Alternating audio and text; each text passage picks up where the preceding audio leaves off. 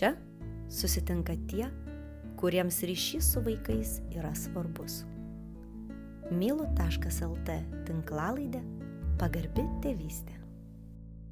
Sveiki, čia Davilė Šafranauskė ir pagarbi tėvystė tinklalaidė. Artėjant rudeniui, tikiu, kad daugelie šeimų yra šiek tiek nerimo, kaipgi praeis pirmosios dienos darželėje, o kažkam galbūt ir mokykloje. Ir dažnai dar papildomos įtampos suteikia tai, jeigu mūsų vaikas yra jautresnis, jeigu jam sunkiau adaptuotis naujose situacijose, o kartais gal ir mums patiems sunku vaikus paleisti į naujas situacijas. Taigi apie jautrių vaikų adaptaciją darželį ir mokykloje šiandieną kalbinsiu mamą, psichologę, besispecializuojančią gestalto bei sisteminėje šeimų terapijoje, darželių ir mokyklų pažinimo medis įkūrėją, Audronę Kancę Girdželišvilį. Labas, Audronė. Ką, Davilė? Labai labai džiaugiuosi, kad šiandien tu su mumis ir aš tikiu, kad savo veikloj, darželiai, mokyklos, na kas jau kas, bet tu tikriausiai dažnai susiduri su vaikais besijaudinančiais e, naujoje vietoje, su tėvais besijaudinančiais dėl jų adaptacijos. Ir vėlgi, kaip aš ir paminėjau, kartais tai viskas dar jautriau, jeigu ir vaikas yra jautresnis. Tai a, Bet pradėkim nuo savokų, pradėkim nuo tokio susitarimo, kasgi yra tas jautrus vaikas ir ar jautrus žmogus apskritai, kaip tu tai suprastum. Aš turbūt būčiau uh, tos nuomonės ir pozicijos, kad labai norėčiau normalizuoti uh, žodį jautrus, nes man jautrus tai pirmiausia gebantis jausti. Tai mhm. reiškia žmogų, kuris yra geram santykiu su savim, Tai reiškia, kad jisai jaučia savo kūną, jaučia, kas jam kyla iš to kūno, geba tą išreikšti, parodyti, na, vaikas kaip, kaip jis gali, taip, taip jis tą parodo. Ir jeigu mes kalbam apie darželio pradžią, ir, na, kur yra apskritai pirma tokia vaiko patirtis jo gyvenime, kuriai jis negali pasiruošti, nes jis jos tiesiog negali įsivaizduoti, jo labiau negali įsivaizduoti, kaip jis joje jausis, tai tai būti jautriam ir ir išgyventi tą tokį nu adaptacinį stresą arba adaptacijos laikotarpyje kylančias emocijas nerimą baimę pasimetimą nesaugumo jausmą yra visiškai normalu. Turbūt man daugiau nerimo keltų nejautrus vaikas ne nu vat vaikas kuris adaptacijos laikotarpiu nu visiškai neparodo ar ne kažkokio tokio nežinau jaudulio išsiskiriant su tėvais ar ne ar ten kad labai labai laukia tėčio ar mamos grįžtančios pasiimti iš darželio. Tai aš turbūt vat tokiu atveju galvočiau kad gali būti kad ją nu ta prasme kad arba ta gynyba yra labai didelė ar ne ir kažkoks toks galbūt net vengiantis prieraišumas na arba ta aplinka yra jam tiek nesaugi tos svetimos tetos nu vat tiek yra baisios kad jam net nesaugu yra rodyti savo emocijas ar ne? Tai tas vaikas dar kuris ten kažkaip ir verkia ir susigraudina tai atrodo kad nu jis toj aplinkoj dar pakankamai saugiai jaučiasi kad gali sau leisti toksai būti. Tai adaptaciniu laikotarpiu mes visi pajautrėjam ir aš galvoju kad šitoj vietoj turbūt visai galvojant apie tai, kaip jausis vaikas, tai nu, galima net prisiminti kokią nors savo paskutinę tokią savo, kaip saugusio žmogaus patirtį.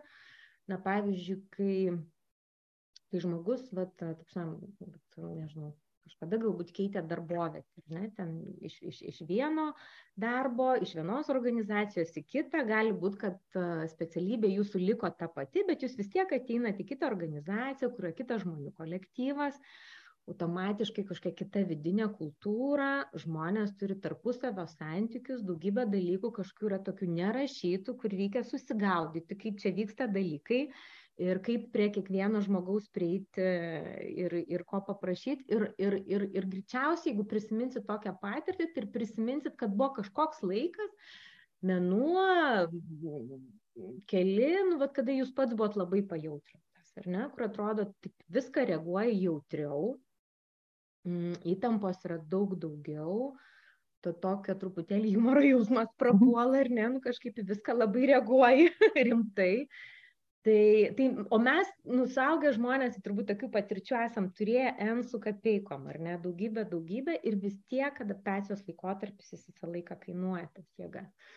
Tai, tai man atrodo, kad yra visiškai normalu, tą reikia kažkaip žinoti, suprasti ir, na nežinau, vienintelė gera žinia yra, kad tai tiesiog reikia išgyventi, nes jinai praeina ir ir nu visą laiką prisiminti dėl ko tu tą darai ar ne nu kam to reikia kam čia reikia tą vaiką kankint Mhm. Tai va, o nežinau, e, turbūt kada susirūpinti reikėtų, tai aš galvoju, gal susirūpinti reikėtų tada, kai tikrai mm, vaikas labai sunkiai nusiramina, ne? nes šiaip visi vaikai verkia, ypatingai sunkus tas būna išsiskirimo laikotarpis, arba nežinau tie visi perėjimai dienos ritme ar ne atrodo jau nurimsta bet staiga visi ruošiasi eiti į kiemą ir vėl tas susigraudinimas ar ne? O kiem kieme jau vėl visi žaidžia atrodo gerai vėl sugrįžta vėl. Bet yra nu paprastai toks trumpas kelių minučių ir pavyksta auklėtojom kaip čia pasakyt perjungti vaiko dėmesį sudominti bet jeigu vat vaikas labai sunkiai labai sunkiai žodžiu nurimsta jeigu tokios kaip aš sakau sutrinka gyvybinės funkcijos na pavyzdžiui a, pradeda sunkiau tuštintis ar ne ten toks atsiranda kažkoks nemiegojimas naktį labai stipriai sutrinka apetitas ir namuose ir darželė. Kad darželė vaikas pradžioj sulaiko tuštinimąsi ir mažiau valgo tai yra normalu. Žinai tam kad atidarytų visos angos, turi pakankamai jausti saugiai ir atsipalaidavęs. Na, bet jeigu tai trunka ilgesnį laiką ir perskelia ir namų aplinką, ar ne, tokios, nu, išiškė kažkokios psichosomatinės reakcijos, tada va turbūt reikėtų sunerimti ir galvoti, ieškoti priežasčių, nes, nežinau, gali, gali būti, na, kažkoks toks tikrai ankstyvo prieraišumo ar nesutrikimas. Gali būti, kad dar mamos pačios yra nepasiruošę ir sunkiau paleidžia vaiką ir labai nerimauja ir vaikas persima to nerimo, ar ne?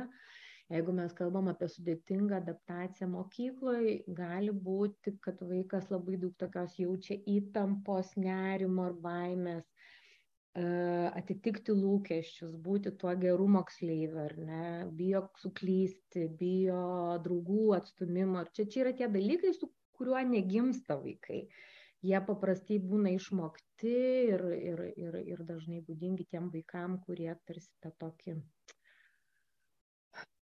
pirmajam septynmetį užaugo su tom vadinamom vertės sąlygom, kad jis turi būti kažkoks, kad būtų mylimas. Ar ne? Tiem vaikams tokius būdinga daugiau išgyventi įtampos ir tokios vadinamosios neurozės. Ar ne? Tai labai svarbu tada aiškintis, kokios yra priežastis ir, ir galvoti, kaip tam vaikui padėti. Mhm. Ir nelikti vienam, kreiptis pagalbos. Taip, man atrodo, kad šitas akcentas yra labai svarbus, nes kartais e, tėvai, ypač mamos, e, jausdamas tokį irgi didelį nerimą ir didelę atsakomybę, na, stengiasi tarsi pasislėpti su tuo savo, su, su ta problema ir kažką tai sugalvoti, ką daryti, o tikrai kartais specialistas iš šono gali pažiūrėti ir, ir daug daugiau pamatyti arba duoti kažkokių patarimų naudingų. Ne?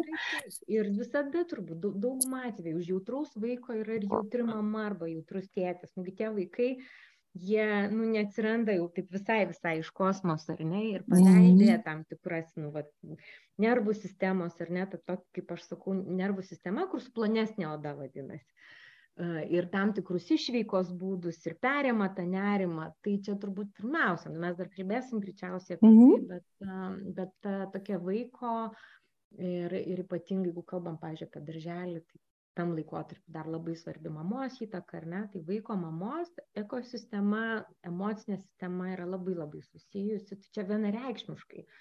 Visada, jeigu nori padėti vaikui, tai pirmas darbas, nu, va, kažkaip padėti savo, galvoti, kas man suteiks tą tokį saugumo jausmą, ramybę. Nes toj baisioj situacijai vaikui, jeigu dar panikuoja mama, tai čia šakės. Gyvybės, mirti, ta prasme, gyvybei pavojinga situacija. Jeigu kažkaip mama tokia atrodo visai užtikrinta ir vat, vaikas tiesiog jaučia, kad nu, čia kažkaip viskas visai gerai, jam tai duoda tokio saugumo ir ramybės jausmą. Mm -hmm. Ir tu paminėjai, kad iš tikrųjų vat, vis, vis dėlto jau, jautresni vaikai, vat, kai nervinė sistema yra tokia truputėlį greičiau galbūt e, perkraunama. Ir ar gali būti, kad tokių vaikų adaptacija gali būti ilgesnė, um, lyginant, nežinau net su kuo lyginti, ar yra kažkoks vidutinis adaptacijos laikas. Yra, yra, žinok. Mhm. Aš tai kažkaip gal labiau, vat, kai mes tokį kalbam apie tokį labai didelį jautrumą ir sudėtingą adaptaciją, tai natūraliai labiau taip galvoju apie darželį. Mhm. Todėl, kad mokykloje paprastai adaptacijų toks būna, nu, ir vaikai vyresni, ir jie įgūdžių turi tam tikrų jau ir savireguliacijos įgūdžiai geresni, ir, nu, toks, nu, Šiaip Taip, taip. adaptacijos laikotarpis, e, jis toks būna mm, ir man atrodo svarbu apie tai kalbėti, nes aš esu praktikoje susidūrus su tėvais, kurie neišlaukia ir palūšta, pasiduoda truputėlį per anksti, nes turi įsivaizdavimą, kad čia viskas labai greitai turėtų pasibaigti. Tai paprastai adaptacija, tai aš iš viso jis taip, bet čia yra visiškai mano išradimas, aš niekur to neperskaičiau, bet aš savo kažkaip bestebėdama, tokius skiriu turbūt tris fazes arba tris etapus adaptacijai. Tai pirmoji, tai ją ten galima vadinti toks džiaugsmingas nuotykis arba medaus, žodžiu, ten tos pirmos dienos kai, kai, kai, kai jos yra vis tiek tokios nuosaikaus įvedimo, ar ne, ir vaikui visai atrodo kažkaip čia smagu, nauja, ir dar būna, kad ir mama šiek tiek, ar ne, kažkiek palie, pasilieka, palaiko už rankos, e, kuri labai greitai baigėsi, nu, kokius, nežinau, 3-4 dienos, toks vaiko ateina suvokimas, kad panašu, kad čia taip nusistemingai kartojasi ir kad jo gyvenimas pasikeitė. Tada antra fazė prasideda, kur yra visiškai natūrali, tai yra kovos fazė ir natūralu kad vaikas kovoja ir kovoja visom priemonėm ir iš visų jėgų jam tai yra gyvybės mirties klausimas nes nu jis ateina į tokią kosminę stotį kur net kvepia viskas kitaip maisto skonis yra kitas krūva žmonių kurie čia kažkaip bendruomeniškai gyvena ar ne kažkokios kitos taisyklės. Pavyzdžiui, saugusiam žmogui dar galėtum papasakot, kaip čia viskas bus. Na, mažam vaikui nu, nu, niekaip, E, jis net negali įsivaizduoti tokių nu, dalykų, ar ne, dar tik mokosi tik tai kurti mintinius vaizdus. Ir jam viską reikia susigaudyti bandymų klaidų keliu. Tai nekalbant apie tai, kad viskas svetima, nauja, bet dar ir tokia disorientacija. Čia, vat, nežinau, man toks. Ir tai be galo daug kainuoja jėgų. Čia turbūt tas pats, kai mokantis vairuoti, kol nėra tų automatinių įgūdžių, reikia galvoti ir apie sankabą, ir apie galinį veidrodėlį, priekinį, kelio ženklus, uh, matyti kitus eismo dalyvius, žmonės, nu, ta prasme, įtampa juoda, o po to kažkaip, žiūrėk, jau sugebi ir, ir klausytis radio, ir ten moteris ir lūpas pasidažo prie vidradėlio, tiesiog atsiranda tam tikras automatizmas. Tai vad, kol vaikų neatsiranda tas automatizmas, jam tai yra didžiulė įtampa. Ir vaikas kovoja, jo tikslas pas, padaryti taip, kad jį parsigražintų atgal namo ar pas mamą. Ar pas auklytę, nu nesvarbu, ar ten pas mačiutę, kas jį prižiūrėjo iki darželio bet jisai kovoja ir jo yra toks tikslas. Kažkuria prasme vaikas yra kovoje. E, jisai net nėra labai stipriai santykyje tuo metu su kitais vaikais. Ir, ir šiaip man patinka vaikai, kurie gerai kovoja. Taip, nu, nes, pavyzdžiui, būna auklėtas, sako, pliava, kaip sunku, nu ištisai, bet kaip tas vaikas verkia, sakau, ar jis taip, va, taip, va, grūdžiai, grūdžiai, taip verkia, ar jis taip, va, taip, taip, oh! nu taip tarsi. Nu, kovodamas, ne? Jo, tai, sako, tas antras variantas, kur tu jis dirba darbą, žinai, jo tikslas palaužti jūs, palaužti tėvus. Ir čia toje kovos stadijai nu, ir yra labai labai svarbu tėvam nu, padaryti visus tuos namų darbus, ne, nes nu, labai, labai labai sunku nepalūšti. Pradedi dvėjot, ar tikrai čia geras darželis, ar tikrai geros auklėtos, o gal ten kaip nors ten žodžius kriaudžia tą mano vaiką.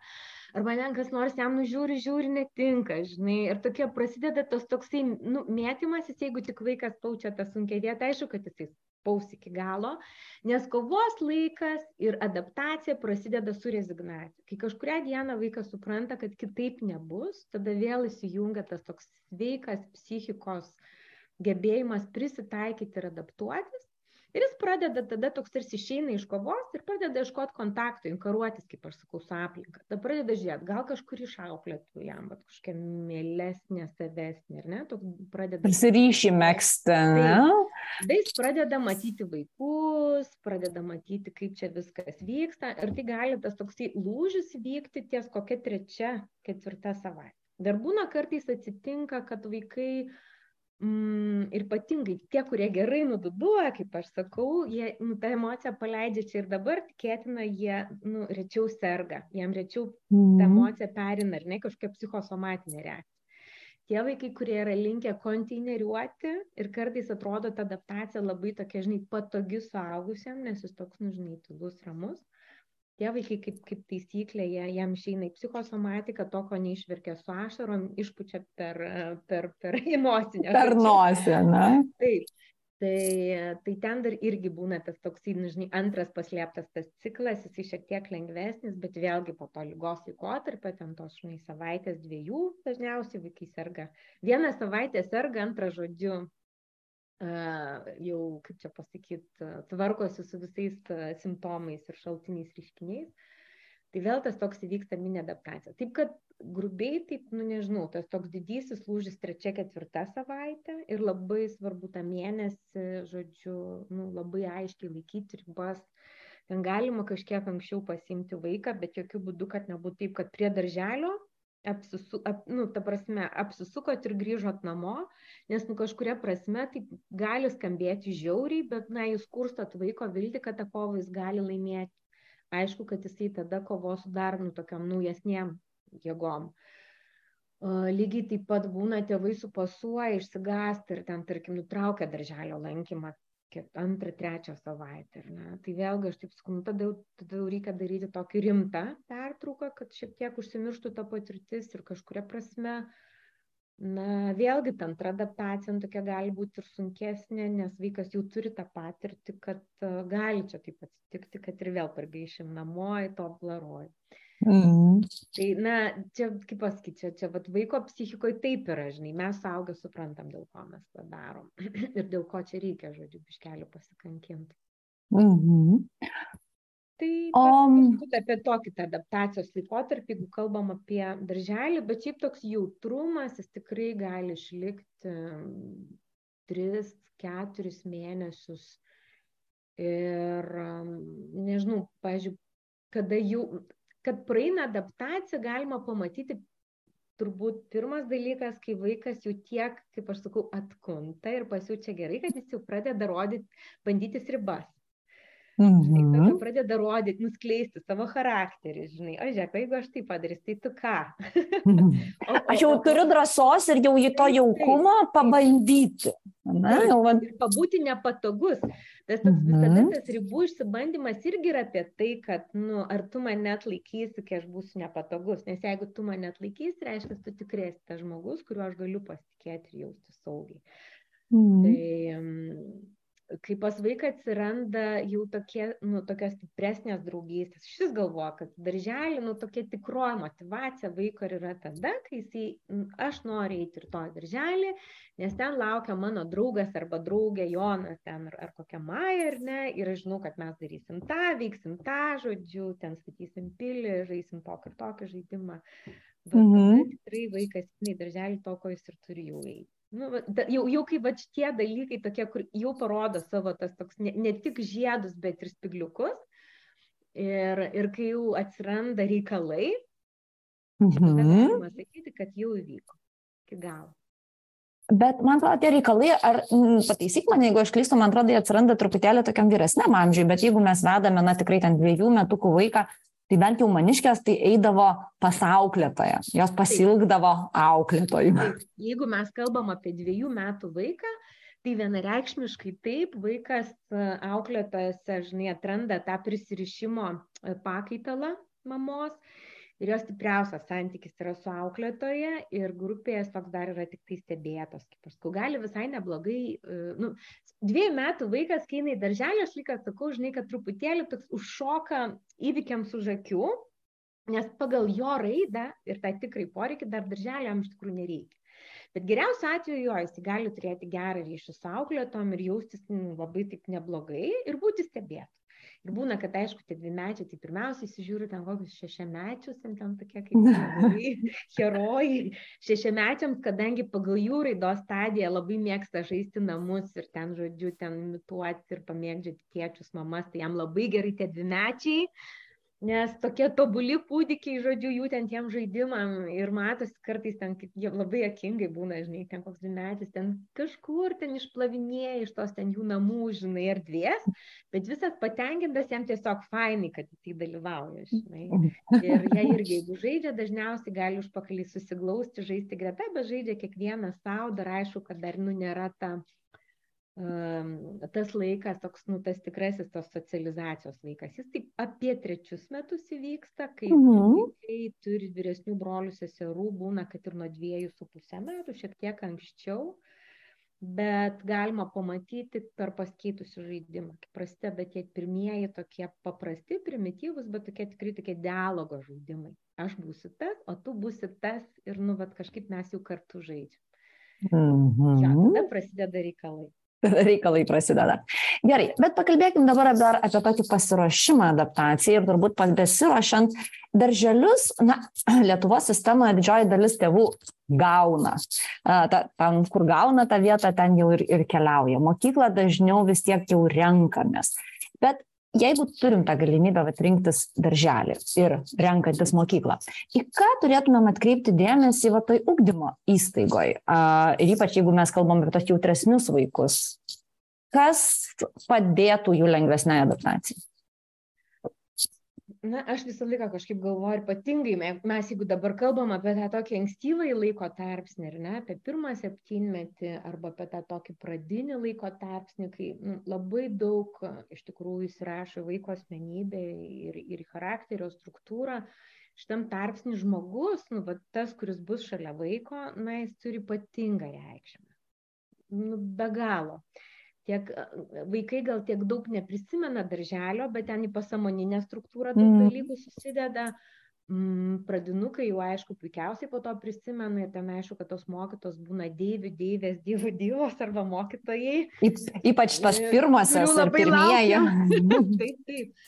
Taip, nu, bet aš ir kalbu apie tas pradinės klases ir, ir, ir, na, jie daro iš tikrųjų didžiulę įtaką vaikui tiek tokius vertybinius dalykus sudeda, tiek vaiko, nežinau, savivoką formuoja, tiek e, labai stipriai prisideda prie jo socialinio emocinių kompetencijų vystymo. Aš nu, ne, nenurašau vienareikšmiškai, tėvai yra patys svarbiausi, bet turbūt antroji vietoje pagal svarbumą va, yra tie pirmieji ugdytojai ir aš visą laiką sakyčiau, rinkitės žmogų.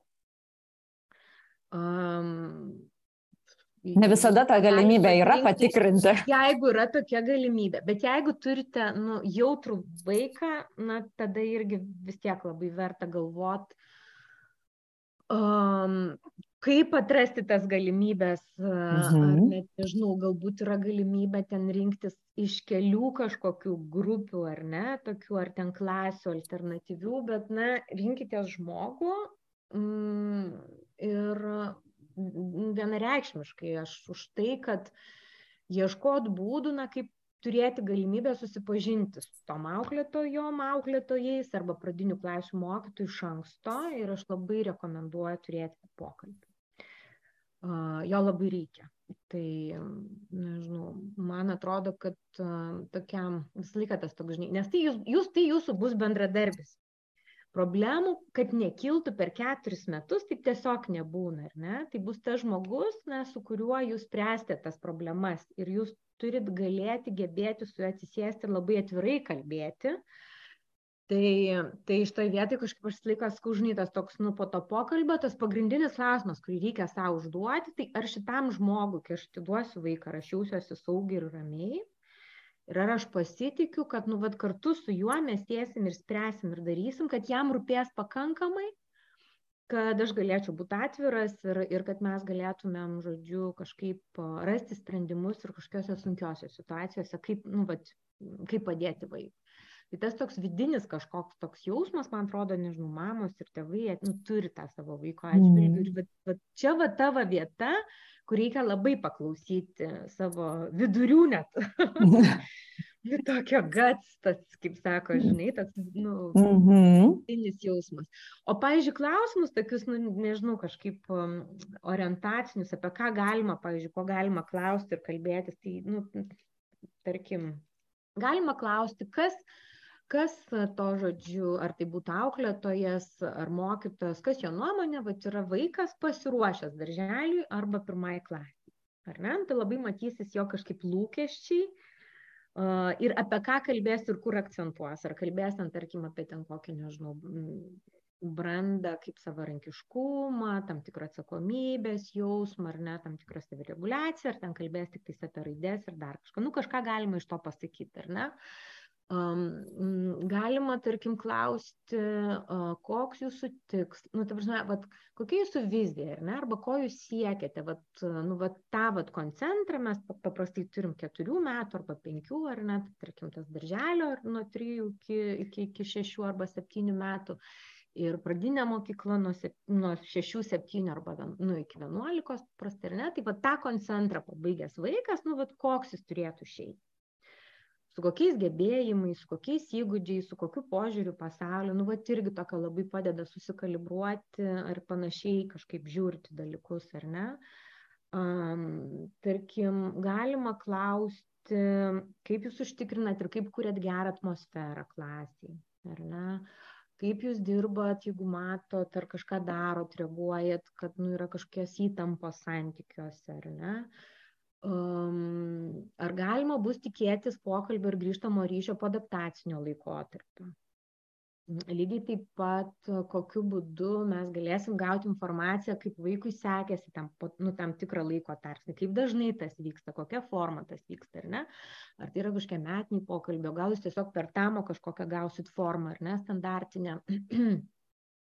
Lygiai taip pat man atrodo čia toks net ne vertybinis pasitikrinimas bet toks geras susitarimas kad nebūtų įtampų ir nesusipratimų pavyzdžiui paklausti kokiu būdu kokia forma kokiu turbūt paros metu galima būtų jums nežinau ten ar rašyti ar skambinti kaip jum yra patogiau jeigu mum kyla klausimų arba jeigu mes kažką norim pranešti apie vaiką ar ne? Ir būna kad mokytojai kurie gali būt puikūs nuostabūs mokytojai bet turi tas tokias teisingas ribas jie sako, kad aš labai norėčiau, kad jūs parašytumėt, na, tarkim, ten, nežinau. Aš atsakau iki 7, pavyzdžiui, valandos vakar. Jūs galite man parašyti ir vėliau, bet aš atsakysiu tada jau, nu, iš karto, žodžiu, pirmo galbūt reikalų pradės savo darbo dieną, ar ne? Tai toks labai aiškus susitarimas ir jūs irgi žinot, kad tai nereiškia, kad jūsų informacija kažkur nenuėjo, ar ne? Nes nu ir šiaip mokytojo, pedagogo tas darbas, jis šiaip yra 24-7, žinai. Tai aš suprantu, dėl ko mokytojai labai stengiasi laikyti ribas, bet dažniausiai jie susimigdo savo vaikus ir jie toliau ten ruošiasi dienai. Tai, tai šitoje vietoje kažkaip man atrodo irgi labai svarbu gerbti mokytoją, nes yra, čia yra ta profesija, kur dažniausiai būna po, po medikų, kur, kur labai daug yra to sudėgymo, perdėgymo, ar ne? Uh, Um, koks požiūris į namų darbus?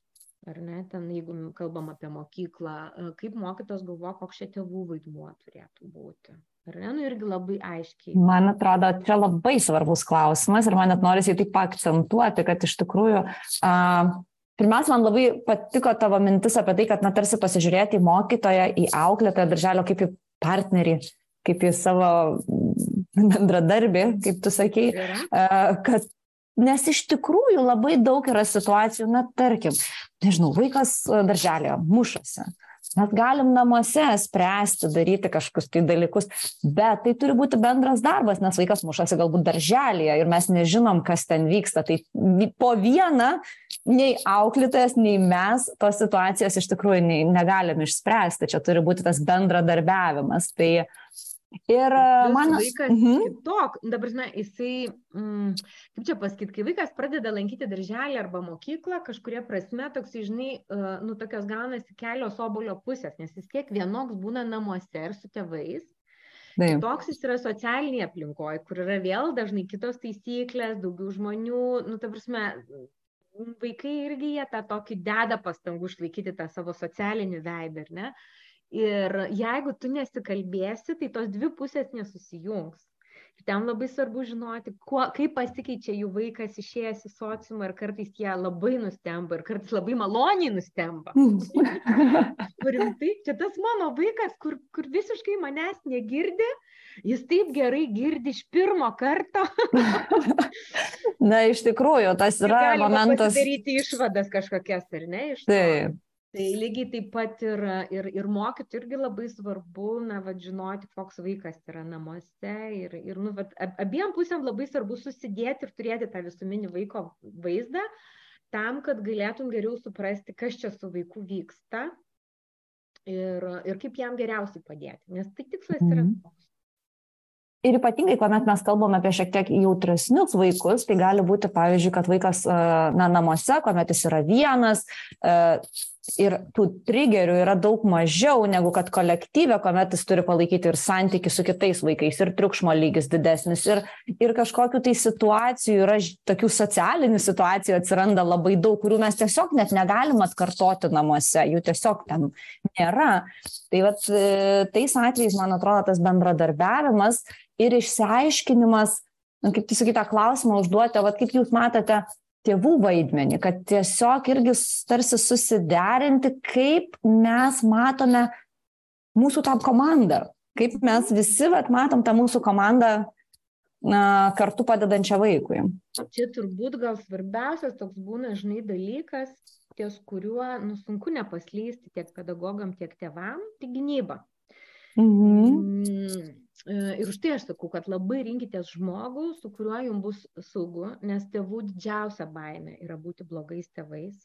Nu, čia taip, nu, aš tokią simpatiją iš tikrųjų ir, ir empatiją, nu, tą sakau. Ir kiek esu turėjus, nu, tų situacijų, kur net atrodo niekur negali pajudėti, kol nenormalizuoja, ne, nes daugybė ten būna ir gėdos, ir kalties. Ir labai labai sunku, žinai, nu kažkaip atsisėsti ir, nu, pasakyti, va čia, va kažkur, žinai, susifeilinau, susimoviau. Ir aš pati tada labai daug pasakoju apie savo kaip mamos feilus, nes, nu, mes tiesiog niekur negalim pajudėti.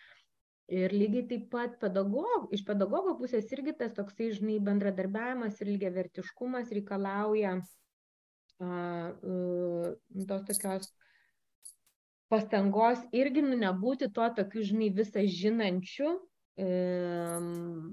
bet ir lygiai taip pat, nu, kažkur nenueiti ten žemiau plintusą, kaip aš sakau, ar ne, bet, nu, kur... Laikyti sveikas ribas vėlgi. Jo, tokia, kiekvienas turi savo, nu, nežinau, tą žinojimą, savo kompetencijas, um, pedagogas galbūt turi daugiau patirčių, ar ne, ir kažkokį net teorinį stipresnį pasiruošimą, bet niekas taip gerai nepažįsta savo vaiko, kaip, kaip jo tėtis arba mama, ar ne. Tai mm, kažkaip atrodo, kad čia turbūt tas didžiausias iššūkis gebėti ateiti į atvirą ir pasitikėjimų grįstą santyki, nevaizduojančią tų neklystančių nei tėvų, mamų, nei neklystančių pedagogų, nes tik tai tada, va, kažkaip, ir čia aišku, man, man visą laiką atrodo, kad pedagogų vaidmuo turbūt nu, labai svarbus padiktuoti tą toną, kur nu, niekam nereiktų, kur nu, nereiktų nueiti gynybą. Ar ne? Mhm. Nei, nei, nei tėvam kažkaip jaustis, kad nu, jie čia kažkaip kaltinami, žinai. Tai, tai aš kažkaip taip, a, nu, čia, tok- už tai aš laiką sakau, kad labai svarbi ta tokia pedagogo turbūt emocinė ir socialinė branda, labai aukštas emocinis intelektas tam, kad padėt sukurti tą tokį gerą bendradarbiavimo santyki atvirą, tikrą, nes jeigu, žinai, Mhm. sėdėsim ir vaizduosim kažką, tai greičiausiai tiesiog, na, nieko neatsitiks. O čiagi susitinkam tai ne tam, kad pasirodyti idealus, o tam, kad uh, suprasti, kas vyksta su vaiku. Mhm. Čia jo, čia tas svarbus aspektas, bet jau toks labai ly- lyrinis nukrypimas. Bet jo, aš manau, kad paklausti apskritai, ko tikitės iš mūsų kaip tėvų, kas Mhm. jum, ta prasme, ką mes kaip tėvai, nežinau, turėtumėm atliepti arba kokioj kokybei būti, kad padėtumėm jum kaip mokytojai dirbti geriausiai ir efektyviausiai. Ne? Mhm. Čia toks labai jau gražus irgi, toks em, labai empatiškas ir stiprus klausimas, kad e, toks irgi suteikiantis erdvę. Na, Bet žinai, pavyzdžiui, kai pagalvoji, tu tam mokytojai patikinu brangiausią savo turtą vaiką. Tikra tiesa. natūralu, Kad kažkuria prasme ir tu pats, va šitoj vietoj, nu tai, kas, kaip, kaip ten, žinai, kokie susidės ten vaiko kažkokie akademiniai pagrindai, ar ne, ar ten, nežinau, tam tikros socialinės kompetencijos, kurios tik tai vat, vaikų ar ne sociume yra vystomos ir tik iš to, kaip pedagogas ten, tarkim, reaguoja į vaikus, į konfliktus, nu, vat, vaikas mokosi, ar ne, tam tikrų dalykų.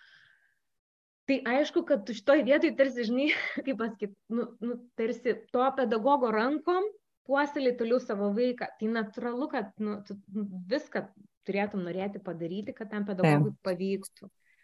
Kad, Mhm. nu, čia yra apie tai, kad mes čia dabar nekonkuruosim, žinai, aš tau patikiu savo vaiką ir, nu, maksimaliai noriu kurti savo buvimu tokią atmosferą, kad tu galėtum drąsiai pasitikinčiai dirbti su savo vaiku ir, ir būti geriausia savo versija, žinai, kad aš padėčiau, o netrukdyčiau. Mhm. O kiek vat, svarbu yra papasakoti smulkiai galbūt apie vaiką, apie tai, kas mes jau galbūt turim patirties, kad kažkokie dalykai jiems sekasi, jiems yra sunkiau, arba kažkokiose socialinėse situacijose yra sunkiau, galbūt kažkokios reakcijos, o galbūt kaip tik kažkokie tai jau mūsų atrasti m, pagalbos būdai. Kiek visą tai yra naudinga žinoti auklėtojų mokytojų? Aišku, kad labai naudinga. Čia vienas iš svarbiausių dalykų. Čia ne tik tai pirmas jo tas toks prisimatavimas, kur aš sakau, žinai, Mhm. jeigu tokio prisimatavimo ma- metu matai, kad nu, tokie yra tikrai nu, labai tokie vertybiniai, neskirtumai, tu kažkaip labai nori kalbėtis ten apie vaiko savijautą, apie jo asmenybės, ten brandą, raidą ar ne, o ten mokytas vis kala ir kala vien tik kažkokią akademiškumą, ar ten apie priemonės, ar dar kokius ten, nu, visokių ten būna tų legendų. Tai čia ta vieta, kur jau ar ne šiek tiek reiktų sunerim- su- sunerimti. Tai čia, bet, bet be prisimatavimo, tai tas pasiruošimas, tai aišku, kaip aš sakau, nu, ir tėvam visą laiką kažkaip sakydavau, kad kai jūs turėsite pirmą pokalbį su aptam arba su mokytoju, tai yra toks, žinai, kaip prieimimas perdavimas. Nu, tai labai svarbu maksimaliai daug visko papasakoti apie savo vaiką. Nes tuo metu, kai vyksta adaptacija, na, turbūt tai ne visai yra laikas ir vieta eksperimentuoti, reikia greitai duoti tai, kas veikia. Po to jau pedagogai, kai pažįsta vaiką ar ne, tai jie patys jau mielai dalinasi savo formulėm, ką jie yra atradę su to vaiku. Bet adaptaciniu laikotarpiu labai svarbu, žinai, žinoti, nežinau, pažiūrėjau, kaip vaikas nusiramina, ar ne, ar jis yra tas kontaktinis, taktilinis vaikas, kurį tu gali laisvai apsikabinti ir, ir, ir, ir, ir prisiglausti, ar kaip tik yra vaikų, kurie net pastirs nuo to. Ir tu maks gali kurti tą ramybės lauką, atsisėdęs šalia ir ten kažką labai labai ramiai darydamas ir taip tarsi kažkaip visai taip lik, lik, lik taip ne, ne prie nieko, vis kažką tarsteldamas tau, to vaiko atžvilgiu. ne? Mhm. Tik truputį palikdamas ramybėj, bet kurdamas ramybės jausmą šalia, ar ne? Nežinau, kokie vaiko interesų, kokios rytis, ar ne, ką jis mėgsta, galbūt yra kažkokios knygos jo mėgstamos, filmų ten ir knygų herojai, personažai, na kaip galima jo tą dėmesį patraukti ir jį sudominti, ar ne, kaip su juo užmėgsti kontaktą. Tai čia visi, visi tipsai mm, labai reikalingi ir labai svarbus Mhm. tai, kad labai svarbu dalintis ir, ir nu, čia, sakau, ne, ne vieta ir ne laikas tikrintis, žinai, kaip greitai pedagogas atras takus ir takelius. Jam reikia atspės? padėti, jo, padėti tam, kad vaikui kuo greičiau taptų kažkaip saugiau ir geriau būnant Mhm. ir, ir su tais suaugusiais žmonėmis. Nežinau, aš, pavyzdžiui, dar irgi Mhm. renkantis labai taip iš tos temos galvoju, kad jeigu yra tokia galimybė pastebėti, jeigu kalbame apie darželį, ar ne, jeigu yra galimybė pastebėti grupę laisvo žaidimo metu, tai būtinai pasinaudokit ją. Tik labai svarbu tokiu pabūti tapetu. Tarsi, nu, kad nu, neteiti kaip kalėdų senis. Veiki vaikai ir visi vaikai iš savo visų veiklų, žodžiu, sužiūri jūs. Tai kuo mažiau trukdyti tai, kas vyksta ten natūraliai, kuo mažiau tokį įnešti tą savo buvimą, bet aš taip galvoju visada, tai tas 10-15 minučių yra iškalbingiau negu tūkstančiai žodžių. Jūs pajausit labai gerai atmosferą grupiai, labai gerai pamatysit tą auklėtojų darbo stilių, labai pamatysit, ar jūsų buvimas, tarkim, trikdo auklėtos ir jos taiga tokios pasidaro visos pompastiškos ir tokios dirbtinės ir saldžios ir vaikučiai, pabiručiai ir taip pat viskas jauti tokiu medu užtemta, kad net, nu, ne, ne, ne, net nemalonu burnoji, žinai. Ar, ar jūs matysit tą tokį, nu, labai autentiškus žmonės, kur, kur gražus, geras, laisvas, šiltas santykis su vaikais, ar ne, matysit vaikų tarpusavio santykius, matysit, į kokias situacijas auklėtos reaguoja, apskritai, nu, kaip yra valdoma grupė, nes čia tokio, žinai, jeigu ateini grupę, kurioje vaikai ramiai žaidžia ir auklėtos gali netgi gerti, tarkim, arbatą, tai reiškia, kad yra padarytas didžiulis įdirbis. Vaikam yra viskas aišku, visos taisyklės, yra padiktuotas geras tonas, kaip viskas vyksta, ar ne, ir yra visiška ramybė, darna, ir tai, tai čia yra didžiulis, didžiulis darbas. Tai jeigu jūs tą pamatysit, reiškia, visiškai viskas yra puiku, nuostabu ir netgi, nusakau, vat, mm, man pačiai praktikoje būna, žinai, būna tų tokių čirų, čirų, tokių, kaip aš sakau, tokių deimanto vertės pedagogų, kur jeigu tokiam pokalbį, verbaliniam tokiam, ar ne, jisai, nu, jis gal nepasirodo taip gerai. Ir ten, bet kai tu jį matai veiksme, tai tu supranti, kad čia yra visiškas dievas, žinai. Aš, pažiūrėjau, galiu matyti, vad, kaip išsprendžia situaciją ir, ir, ir, ir, tarkim, argumentuoti per dešimt teorijų, dėl ko jinai yra tobulai išspręsta ir suvaldyta. O tas deimantas tiesiog pasakys, na, aš taip pajaučiau. Nieko aš čia nepadariau ypatingo. Nu, aš taip, nu, taip aš pajaučiau, žinai, ir, tai, ir, ir, ir, tos, ir tie, va, tokie, va, kuriem yra duota, žinai, jausti, ir jie turi tą tokią, žinai, intuityviosios pedagogikos dovaną, jie yra labai labai geri. Tai vad kartais tas toks irgi pamatymas žmogaus veiksme gali labai sudėlioti visus taškus ant jį o kartais gali būti labai žmogus iškalbingas ir, ir verbalus, o matai, kad jis elementarių kažkokių situacijų net nefiksuoja, net nepastebi, žinai, koncentruotas į save. Mm -hmm. Tai va, pastebėjimas labai gerai. Mhm. O tarkim keliaukim truputėlį patį tą adaptacijos procesą, nes, na, mokykloje turbūt adaptacija yra gal, kaip ir kalbėjom, truputį lengvesnė, bet dažnai ugdymo įstaigos turi kažkokį adaptacijos tvarką kažkokią, ne, kuri daugumai vaikų tikėtina yra jiems geriausiai pasiteisinusi, labiausiai atitinka ugdymo įstaigos kažkokius tai uh, veiklą, bet kartais vat, jautresniem vaikam jiems tarsi reikia, atrodo, bent mamoms taip atrodo, nu, reikia daugiau, galbūt daugiau dienų su mama, galbūt nežinau, kiek galima iš tėvų pusės prašyti, tikėtis, koreguoti e, šitą nusistovėjusią tvarką pagal vaiko tiesiog neurologinę sistemą, pagal jo tas pačius poreikius. Um, ir aš labai girdžiu, apie ką klausiu, Davilė. Nes tikrai, manau, mamos klausia to paties atėjusios. Ir tikrai yra dažnai, nu, vat, yra tėvų grupė, kurie labai nori ilgai lankyti kartu su vaiku darželį. Ir aš esu gyvenime pati, nu, ta prasme, ten vat, vadovaujant įstaigom ar ne, mm, tokio kluptelėjus ir leidus tam tikrus eksperimentus ir jie vis tiek man susiveda, kad, nu, kažkaip, nežinau, mes turim, vad, pažinimo medį, mes turim tą tokią formulę, kuri man, nu, per šitiek metų, nu taip veikia, mm, beveik šimtų procentų. Ir aš pabandysiu apie ją papasakot, žinai, ir paaiškinti, kodėl. Na, kad būtų mhm. aiškiau, nes labai dažnai to, vad, kodėl nebuvimas, tada, žinai, vad, sutrikdo tėvus ir jiems čia atrodo, kad viskas labai labai baisu, žinai. Tai m, mm, šiaip tas toks algoritmas įvedimo, aš laikas, kus toks turi būti nuosaikus, bet labai svarbu neužstrikti kažkuriam tokiam tarpiniam etape tam, kad na, ne, neužsifiksuotų, žinai, vaikui to tokias, nu, kaip čia pasakyti, man atrodo, apskritai adaptacijos laikotarpį labai svarbu nebūdinėti vaiko ir būti maksimaliai sažiningi, nes tu kuri jam saugumą šitoje vietoje, ar ne? Tai, tai kad nebūtų to tokio, va tik atsipalaidavau ir pist kažkas va blogesnio atsitiko, žinai.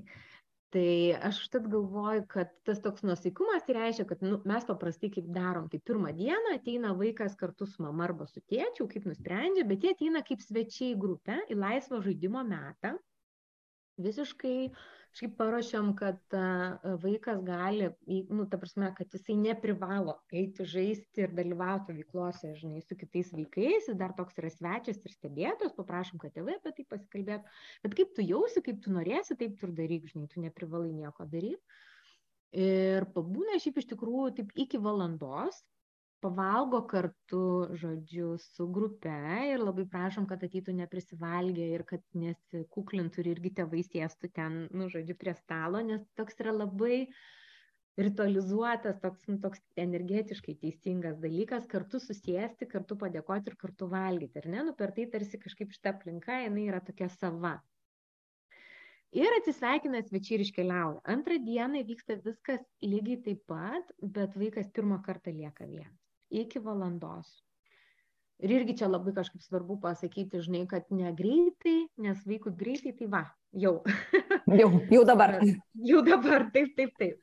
Uh, nu, bet labai aiškiai, kad, ta prasme, kad kai tu pavalgysi pusryčius, visą laiką matuoti veiklom ir ten tą visą dieną po to ateiti, taip irgi labai skirstyti, žinai, ne valandom, ne dar kažkom, bet veiklom. Uh, kad tu pavalgysi pusryčius, tada tu eisi lauką, nesmulkinant, ar ne, tada pavalgysi pietus, pamiegosi, pavalgysi pavakarius ir aš ateisiu pasimti. Na, jau čia, kai visas ritmas jau būna atsisukęs. Žodžiu, tai iki valandos jis pirmą kartą lieka vienas ir jį pasiema, žodžiu, tėčiai mamos, paprastai jie ten toli nenuvažiuoja ar tik lieka kažkur ten tose ribose, būna mašinai kartais palaukia. Trečią dieną prasilginam laiką, vaikas keliauja į lauką ir jį paima iš lauko, ketvirtą dieną po lauko dar lieka, žodžiu, pavalgo pietus ir pasiemamas iki pietų miego. Ir tada labai žiūrim penktadienį, ar yra, vaik, nu, ar yra jėgų, resursų, kad penktadienį jį palikti, žinai, pietų miegui, ar ne ir būna kad mažesnius vaikus nusprendžiam dar nemigdyti tai aišku tada kad ir pirmadienį žinai dar nemigdom nes nu po savaitgalio toks gaunasi didžiulis kontrastas bet antradienis trečiadienis jau aš taip sakau vis tik kad yra dedlainų dedlainas ir reikia migdyti geriau jau pasiimti iškart po pietų miego bet na neužstrigti tam tokiam tarpiniam režime Um, aš už tas tokias atsisveikinimus, kad jie tokie būtų, nu čia tokių iš tam tikrų turbūt taisyklių ir tipsų, kas veikia ir kas padeda, uh, atsisveikinimas neturi būti per ilgas ir kankinantis. Todėl, kad jūs žinot, kad išsiskirimas įvyks, o vaikas tą nujaučia. Ir kuo ilgiau jūs sėdite tame, tai čia tas pats, žinai, kaip, nu, jeigu reikia daryti chirurginę operaciją, tai, ją, tai geriau daryti su chirurginiu instrumentu, o ne zūrinti su virtuviniu peiliu, nes labiau skaudės nuo to tik tais ir vaikas daug labiau išsibalansuos, daug sunkiau jam bus sugrįžti save. Tai aš už tai, kad atsisveikinimai turi būti aiškus, trumpi, sąžiningi, atsidaro grupės duris, vaikas perdodamas iš rankų į rankas, duris užsidaro kuo ilgiau jūs tampysitės, tuo labiau vaiką iš tikrųjų iš, ištampysit, nu, kaip čia, mm -hmm. išbalansuosit. E, po to geriau jau galima, žinai, ten susitarti, kad kažkokiu metu dar skamtelsit, perklausyt, ar viskas ok, nes paprastytas toksai, žinai, rėkimas ar klikimas ir visai ten būna. Uh, bet jisai trunka ganėtinai trumpai. Jeigu vaikas nebuvo toksai iš, išbalansuotas, tai yra 3 iki 5 minučių ir pavyksta auklėtam perinkti vaiko dėmesį. Tai nežinau, tas vat lankymas kartu su mama, aš dar praktiškai, nežinau, aš arba aš nesu turėjus tokio atvejo, kad tai būtų pasiteisinę, arba tai, nu, ta prasme, tad išimtis, kuri tik patvirtina taisyklę, pasakysiu irgi, kodėl tai, nu, aš nerekomenduočiau to daryti. Todėl, kad uh, jūs galite ir mėnesį vaikščioti kartu su vaiku darželį. Bet yra du bet. Pirmas dalykas, greičiausiai toj grupėj bus tikrai dar ne vienas vaikas, kuriam irgi yra adaptacija ir matyti kitą vaiką su mama bus labai labai jautru. Mm, antras, bet uh, kai vieną dieną jūs išeisit ir uždarysiu duris, tik tada ir prasidės adaptacija. Ir Mes tiesiog nukeliam tą procesą. No, tai čia dažniausiai dėl to, kad patys dar esam nepasiruošę, žinai. Nes ne, ir ta adaptacija greičiausiai bus turbūt tokia audringesnė vien dėl tos priežasties, kad vaikas turės patirti, kad galima ir taip, kad galima lankyti ir su mama.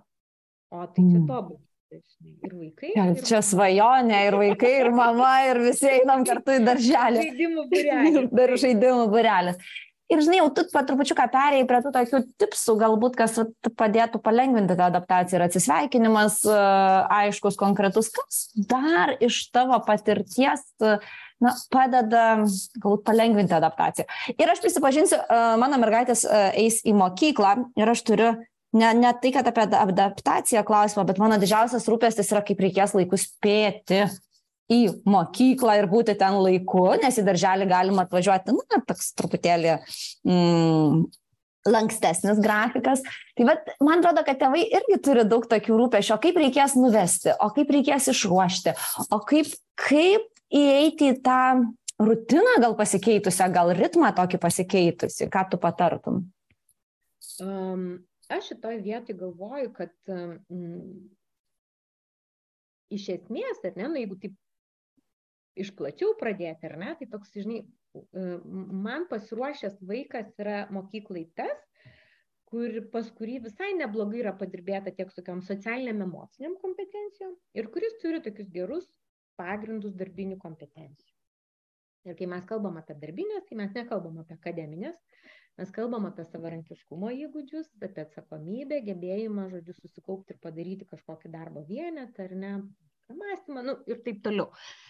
Tai, mm, tai vienas turbūt iš tokių, žinai, tokių darbinių dalykų, ko labai po to reikia vaikam, ar ne, nu, tai toks gebėjimas, nežinau, planuoti laiką ir struktūruoti kažkiek tai užduotis, tokia vadinamoji tokioj, žinai, 21-22 amžiuje, ten, žodžiu, tokie švietimo, kur keliami tikslai, tai tokia vadinamoji meistrystės kompetencija, kur apima laiko valdymą, žinai, tokį ir užduoties gebėjimą ją susistruktūruoti ir darbinius vienetus. Tai e, ir mokytis to labai labai gerai namuose. Nežinau, galit pradėti apskritai nuo to, kad gali daryti savaitgalio planus. Iš vis, nu, tokia labai pozityviai, labai žaismingai, labai fainai. Uh, pasiimkit ten kokį, žinai, popieriaus lapą, brėžkite dvi dalis, nežinau, ten gali dar vaikas galbūt nemokėti, tarkim, rašyti, tai gali kažką nusipiešti tokio, na, kas jam simbolizuoti, ar ne. Ir, žodžiu, pasigalvokit, susirašykit vienoj daly, ką norit nuveikti, pavyzdžiui, per šeštadienį tai ten tokie ir masti dalykai turi nu, atsirasti, ar ne, galbūt yra kažkokios pareigos, ką ten reikia padaryti, nu, nežinau, ten galų galę skirti kažkiek laiko ten rytiniai savo higienai, ar net lovą pasikloti, dar ten kažkas yra, už ką jos yra atsakingos.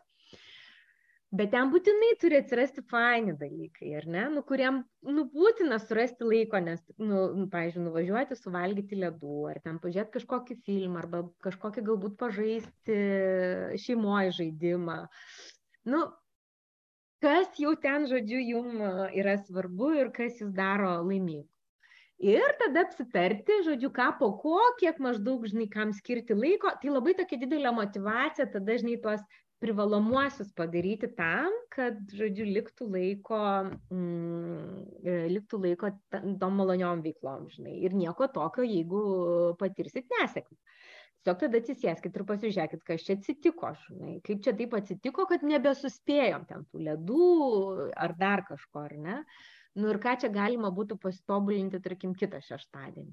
Tai čia vienas dalykas. Antras dalykas, pažiūrėk, nes dažniausias tas scenarijus, ir aš suprantu labai tą klausimą, toks normalus, būtinis scenarijus, visiškai nekaltinant, labai normalizuojant, kad daugybė šeimų su to susiduria, Tai yra tas rytinis kelimasis. Kai saugia žmonės, ten ar tėtis ar mama, jis tai žino, žodžiu, kada reikia atsikelt, jis ten nusimato, žinai, kokios yra ten tos sudėtinės dalis, ten lovą pasikloti, išsivalyti dantis, nusiprausti veidą, apsirengti, žodžiu, nusileisti, pavalgyti pusryčius ten ir t, t, t, t, t. Tai jisai žino ir jisai nervuojasi, žinai, kad ten kažkur kažkokia dalis yra užsikrapštimas, ar ne? Na ir tai yra tas žmogus, kuris, žinai, žino struktūrinės dalis, žino laiką ir, nu, kaip pasakyti, atsakomybė jam priklauso. Geriausiu atveju vaikas yra geras vykdytas, bet šiaip tai, nu, normaliu atveju, tokiu, tai vaikam labai patinka žaisti čia dar tais nervais, nes jie čia pagauna valdžią ir galę, žinai. Vis laikas, sakau, toks, žinai, toks esminis klausimas pedagogikoje, kai susiduria su sunkumu, o kien, tai savo, užduokit klausimą, o kieno dabar tai yra problema? Ir jeigu jūsų, tai pagalvokit, okei, okay, tai kaip padaryti, kad būtų vaiko problema. Tai, nu, tas toksai, žinai, turbūt mano tas siūloma, žinai, kai jūs pasipraktikuosit su savaitgaliu, ar ne, galite perėti prie tokio sudėtingesnio, nes, nu, va, ir dabar dar vasarą važiuoti darželį, žinai, ir gali kalbėti, kad tu dabar jau kai įsi mokyklą, ar jūs kai įsit mokyklą, ar ne, tavo dvinukė atžvilgiu. Na, tai čia, va, jau, nu, jau jūs reiškia didelės, čia reikės ir susiruošti, ir tą ir tą padaryti, ir pasipraktikuojam vasarą. Žinai. Nu, visada galima taip labai žaidybiškai prie to prieiti. Ir tai reiškia, kad gali bandyti iš vakaro apsitarti. Ką paprastai reikia pasidaryti ryte, nu, vat prieš išvažiuojant į darželį. Tokias išsiskirkite struktūrinės dalis, ar ne? Pasitarkit, kiek maždaug tam laiko reikia nusimatyti. E, bandykit. Gali būti, kad nepavyks. Tai yra nuostabu, mokantis patirti natūralią pasiekmę, žinai. Tai kitą dieną galima atsisėsti ir pakalbėti, okei, okay, nu kodėl mums nepavyko. Labai svarbu dar irgi taip dėliojantis tą rytinį laiką, e, nusimatyti tą tokį e, premiją. Premija. Malonumą. Premija tai reiškia, kad jeigu pavyksta viską, žinai, padaryti laiku, tai dar lieka ten, pažiūrėjau, 10 minučių ten kokio, nežinau, animacinio filmuko, žinai, pasižiūrėjai. Nu, tą tokį apsidovanoju kad būtų taip truputėlį skausminga, na, nu, nesutilpti tą laiką, kad būtų noras, mm -hmm. Tai va, ir, ir šitoje vietoje, nu, kažkaip labai praktikuokitės, nes šitų įgūdžių tokių labai dažnai, pavyzdžiui, pradinukam e, sunku uh, mokykloje, na, jeigu mes ten nekalbam apie kažkokius, nežinau, ten nesusidėliojusi santykius su mokytoju, kur nu sunku vaikui rasti santykių su mokytoju. Nu, taip jėkinga, nes šiaip taip, nu, ne vaikas jo turėtų ieškoti, ar ne? Mm, ar dar kažkaip, tai labai dažnai sunkiausia tiem vaikam, kurie neturi tokių darbinių įgūdžių, ypatingai tokio savarankiškumo ir atsakomybės, ir kurie, nu, kuriems sunkus tokiais socialiniais emociniais, patiria sunkumų um, tiek tokioje emociniai savireguliacijoje, tiek draugavime. Nes šiaip pagal to amžiaus raidą, tai kad vaikas būtų sėkmingas, arba jisai save sėkmingu laiko tada, kai jam gerai sekasi draugauti ir gerai sekasi mokytis. Tai, jam, tai, tai, tai yra to, šito amžiaus tarpsnio va, du, du pagrindiniai dalykai, bet ir, ir ką galima padaryti iki mokyklos, tai bet galima padėti vaikui ir pagalvoti, kaip jį pastiprinti, žinai, tam tokiam, nu, vat, nežinau, emociniam žodynė, tai pirmiausia patiem turbūt naudoti tą aš kalbą, ar ne, atspindėti vaiko emocijas, kad jie mokytųsi nu, daugiau jas atpažinti, ar ne. Apskritai plėsti ten yra ypat, nu, visokių ten metodų ir būdų, kaip tą daryti, ar ne, ten tokiuose socialinėse, tai nežinau. Tai kaip jūs patys atkreipdėmės ten kokius, nežinau, įtampos situacijas sprendžiat, ar ne, iš, išsivedat iš pusiausvėros, ar ne, nes ko norėt tada iš vaiko. Ten kokia man labai fainai atrodo šeš, šešių metų, kai yra tokia praktikuotis šeimos taryba. Vieta, kur yra sprendžiami šeimai svarbus klausimai. kas už ką atsakingas ir taip toliau. Tai irgi tas toks numoko tokio demokratinio būdo, būdo išklausyti, girdėti vienas kitą ar ne, ten proaktyviai ateiti problemą, tai reiškia pateikti pasiūlymus, ar ne, jeigu tau kažkas netinka, nepatinka su šeimos tarybai, nežinau, kokio turi norą gali klausti vaikų. Gerai, tai pateik argumentus, kodėl mums ten reikėtų mūsų šeimai triušiuko, pavyzdžiui, ar ne? Nėra jo, argumentų šitą su triušiukais. Bet aš, pavyzdžiui, leisčiau. Aš leisčiau, nes man, nu, man labai panašiai buvo pačiai. Tai mano buvo sąlyga, kad tada tu turi tą nupirkti iš savo stupytų pinigų, Ir prieš perkant triušiuką, tada reikia nusipirkti jau viską, ko jam reikės. Narvą, maistą, kraiką, indėlius visus. Uh mhm. -huh. Ir tik tai tada triušiukas. Ir aš labai gerai žinau, kad čia toks bus užtrukantis projektas, labai gerai žinau, kad tai labai tiks mano vaikui, kuriam nėra lengva ta impulsų kontrolė, žinai. Ir mes po šiai dienai vis dar to triušiuką neturim. Nes vis atsiranda turbūt svarbesnių pirkinių, ne? Bet jeigu jinai, nu, šitoj vietai susikauptų ir tą padarytų, aš šimtų procentų, nu, kaip susitarimas yra susitarimas, tai reiškia, kad jinai pasiruošusi bus ir šitai atsakomybei, žinai, už, už gyvybę. Tai, tai, mm -hmm. tai, va, ir... tai, tai, tai, tai va, čia gal tokie yra svarbus dalykai, ką atkreipti dėmesį prieš pasiruošiant mokyklą. Raidžių visko išmoks, daug sudėtingiau, kai vaikas, pavyzdžiui, mm, visą pertrauką praranda, nes net, nu, jam yra labai sunku, tarkim, susitvarkyti po pamokos ir pasiruošti naujai pamokai. Nu, tokių elementarių atrodo, ar ne, tokių, nu, vat, mm -hmm. savimi įgūdžių trūksta. Lygiai taip pat, aš sakau, žinai, daug sudėtingiau mokyti vaiko santykio su atsakomybė ir namų darbais, tokioj, žinai, akademiniai plotmėjai, nes jie daug lengviau tokių dalykų mokosi ir jiem daug lengviau suprasti, kam to reikia būtiniai, būtiniai ir tokioj namų situacijai, ar ne? Ten kas atsitiks, jeigu tu neišneši šiukšlių dėžės, šiukšlių tiksliau, ar ne? Ar ten kas atsitiks, jeigu niekas neiškraus indų iš indaplovės ar kas atsitiks, jeigu mes labai ilgai nevalysim dulkių. Tai aš už tai, kad nu, jau turi atsirasti ten, nežinau, nuo trijų metų jau gali atsirasti kažkokie darbai, kur vaikas ne tik, kad savo ten susitvarko erdvę, arba po savęs, bet ir prisideda prie šeimos labo, ar, ten, nežinau, padengia stalą, ar, ar, ar, ar nežinau, uh, nudengia stalą ir nesudeda kažkaip indaplovę indus arba juos iškrauna. O, o jeigu to neturėjot, tai, tai, tai prieš mokykliniam amžiui čia mast šeimos taryba, susitarimas, kas yra šeima, kad čia mes padedam vieni kitiem, tai jau pakankamai didelis arba didelė. Na ir mes pagalvom, kad jau tu irgi gali prisidėti ir va, tai tau pasiūlysim tris tokius darbus, tavo atsakomybės, tu iš jų išsirink vieną. Ir ten praeiti per tą, žodžiu, visas stadijas - džiaugsmo, pasipriešinimo. Nes praktiškai daugumą atvejų, kai, nu, kiek man yra tekę sėsti ten kažkokiose sudėtingesnėse situacijose, būti tose darbo grupėse, darbo komandose dėl vaikų, kurie patiria tam tikrų sunkumų, ar ne, jeigu yra problema, tarkim, su atsakomybė ir namų darbais jų darimu, nedarimu. O pirmas klausimas būna, kurį aš užduodu tevam, tai kokias, kokiu, kokiu atsakomybė turi vaikas namuose. Ar beveik šimtų procentų atveju paaiškėja, kad jisai, ta prasme, tėvai nuoširdžiai nustemba, nes vaiko tiesiog atsakomybė yra nu, pasirūpinti savimi į mokyklą, viskas, jis namuose neturi jokių atsakomybių. Tai, tai, o, o mokymas jis irgi tai yra, nu, nepaisant to, kad mokytojai šiuolaikiniai mokytojai iš tikrųjų labai daug įdeda pastangų ruoždamiesi pamokom ir jos yra įdomios ir įtraukios, bet tam tikrus įgūdžius, nu, tu turi juos, prasme, skaitimas, kol jis pasidaro įdomus, jis turi patapti automatinis, tai nu, jam reikia ten praktikavimas ir to tokio, žinai, zūrinimo. Nežinau, tam, kad tu galėtum pajudėti matematikui, tau ten, tarkim, koks skaičiavimas dešimties, po to dešimties ribose turi atsirasti mintinis. Aš nebegalvoju 7 plus 8, kad yra ten, žinai, ne, ne, nededu ten. Mhm. Aš tiesiog žinau, kad yra 15. Ir tada aš galiu galvoti apie kažkokius sudėtingesnius veiksmus. Tai man atrodo, bet kokiam tam mokymėsi yra ta tokia dalis, kur um, reikalauja, žinai, tokio susikaupimo ir padarimo tikrai neįmanoma padaryti, kad viskas būtų tik tai. Bet kokiam svajonių darbe bus koks 20 procentų kažkokių monotoninių darbų. Nu, ir tas va, toks, tas va, susikaupti ir padaryti net tada, kai medaus mėnuo baigėsi santykis su tuo darbu, tai labai reikalinga ypatingai šio laikiniam vaikam.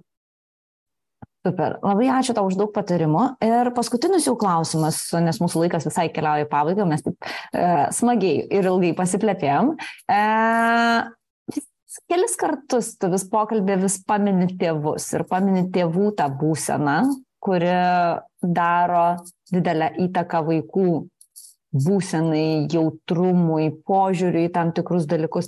Tai galbūt tai pabaigai, bet ką, į ką mums atsigręžus į save, tevams, kur pas, aš žinau, kad tai gali būti atskiro podkasto tema ir mes tikrai rastumėm valandą laiko apie ką pakalbėti, bet taip tiesiog trumpai, ko tu palinkėtum, kur tėvams atsisukusi save, susidėti irgi akcentus. Na, aš galvoju, kad pirmas dalykas turbūt padaryti namų darbus ir išsirinkti mokyklą ir mokytoją ar, ar, ar, ar, ar darželį ir, ir auklėtas, ar ne. Uh, ir tokį pasiekti tą ramybės jausmą, kad, nu, aš labai tikiu šitai žmonėmis, kaip, pirmiausia, kaip žmonėmis, tada kaip specialistais ir man yra ramu, kad mes kartu, susi... kokia be būtų problema, žinai, niekas negarantuoja ir neprivalo šiaip gyvenimas garantuoti ir tėvai neprivalo garantuoti, kad vaikas nugyvens be problemų, jis nesimokys, neauks tada, ar ne? Tai, uh, tai, tai tų problemų bus ir labai gerai, kad jų bus, nes nu, per tai vyksta mokymas, įsiraugimas ir branda. Tai bet labai svarbu turėti tos partnerius, žinai, su kuriais tu jauti, kad tu gali atsisėsti prie stalo ir, ir dirbti ir ieškoti sprendimų. Ir kokia be būtų problema, jeigu abi dvi šalis tengiasi ir dirba, rezultatas visą laiką bus pasiektas. Žinai. Greičiau, lėčiau, bet jis visą laiką bus.